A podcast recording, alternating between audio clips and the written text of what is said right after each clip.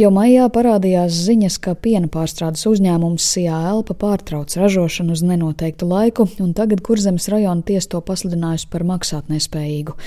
Ražotne ir vidējo uzņēmumu kategorijā, un lielu daļu no pārstrādātā piena apjoma realizē programmā Skolas piens sev tuvējā Kurzemes reģionā. Uzņēmuma vadītājs Gundars Sisenis radio atzina, ka ražošana apturēta dažādu grūtību dēļ, tostarp straujā izēvielu cenu kāpumu un arī dārgo energoresursu dēļ. Sijā Elpa gan nav piensaimnieku centrālās savienības biedrs, taču organizācijas vadītājs Jānis Šalks norāda, ka grūtības izjūta vairāki uzņēmumi. Tas, ka kāds no uzņēmumiem eh, neizturēja šo situāciju, tas nav nekāds pārsteigums. Pagaidām mēs runājam par vienu uzņēmumu, kam ir izsludināts oficiāli maksāt nespēju, nu, arī Limbažu siers uh, ir uzņēmums, kurš ir apturējis darbību un grūti pateikt, kāda būs viņa tālākā liktenis un situācija bet sakarā ar to, ka līdz šim brīdim mēs neesam saņēmuši jebkādu veidu atbalstu un zinot, kādas ir grūtības nozarē, tāpat kā visiem, bet tomēr pašlaik tas, ka tikai viens uzņēmums ir maksāt nespējas situācijā, parāda nozares sīkstumu un izdzīvošanas spēju. Jautājums, cik ilgi, jo nekas jau vēl nav beidzies. Svaigpiena iepirkuma cena šobrīd ir ap 50 centi par litru. Šalks turpina, ka piena tirgus ir ļoti saspringts, jo gada laikā cena kāpusi par 50%. Tieši saliekot šos apstākļus kopā ar energoresursu cenu kāpumu, plus mums arī Ukraina bija ļoti vērā ņemams noieta tirgus mūsu produktiem.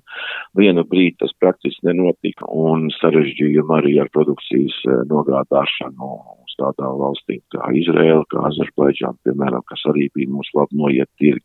Viņi nav beigušies, bet, nu, viss ir atkal dārgāk, transporta loģistikas izmaksas arī dārgāks, nu, beigās tā otrā pusē vairs arī nav gatava to produktu tādā apjomā pirkt. Tā kā, nu, katrs atkal meklē iespējas, kā pielāgoties, bet, zinām, šodien, kad par to būs jāmaksā. Latvijas Holšteinas šķirnes lopa audzētāju asociācijas valdes locekli Ievrutkovs, kas saka, ka jebkura pārstrādes uzņēmuma iziešana no ierindas ir slikta ziņa nozarei, Savukārt, runājot par augsto piena iepirkuma cenu, lauksaimnieki atgādina, ka arī šajā sektorā krietni pieaugušas saimniekošanas izmaksas.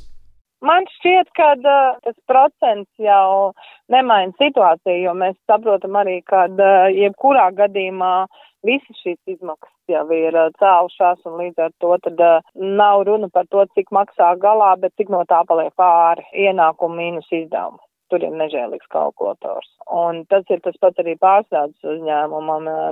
Neiet runa par to, ka piena iepirkuma cena tur cēlusies par 50%. Tas ir viens jautājums, vai pienu izdodas efektīvi pārstrādāt, atrast tirgu un kādā cenā viņiem viņi izdodas pārdot. Bet uh, man vienmēr liekas, arī esam godīgi paskatāmies arī pārstrādes rādītājus uh, nu, iepriekšējos 12 gadus, jo tomēr uh, viņi arī bija pieredzes pietiekami stabili justies. Šis ir viņiem šoks bet tajā laikā mums bija ļoti neadekvāts zemes attiecībā pret tiem, kas tik tiešām strādāja, lai saražotu pienu. Latvijas lauksaimniecības kooperatīva asociācijas konsultants Rolands Feldmans vērtē, ka piena pārstrādes uzņēmuma elpa iziešana no tirgus kopumā būtiski nesašaurina svaigpiena nodošanas iespējas.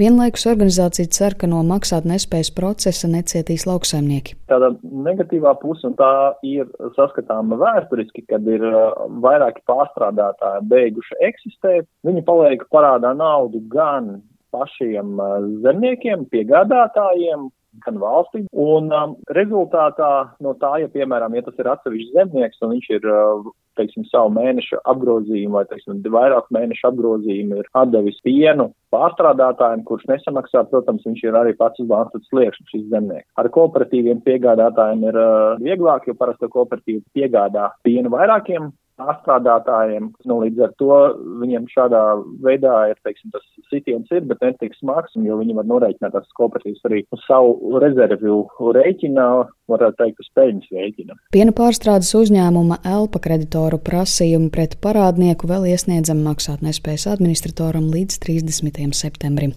Sinti Ambot, Latvijas radio.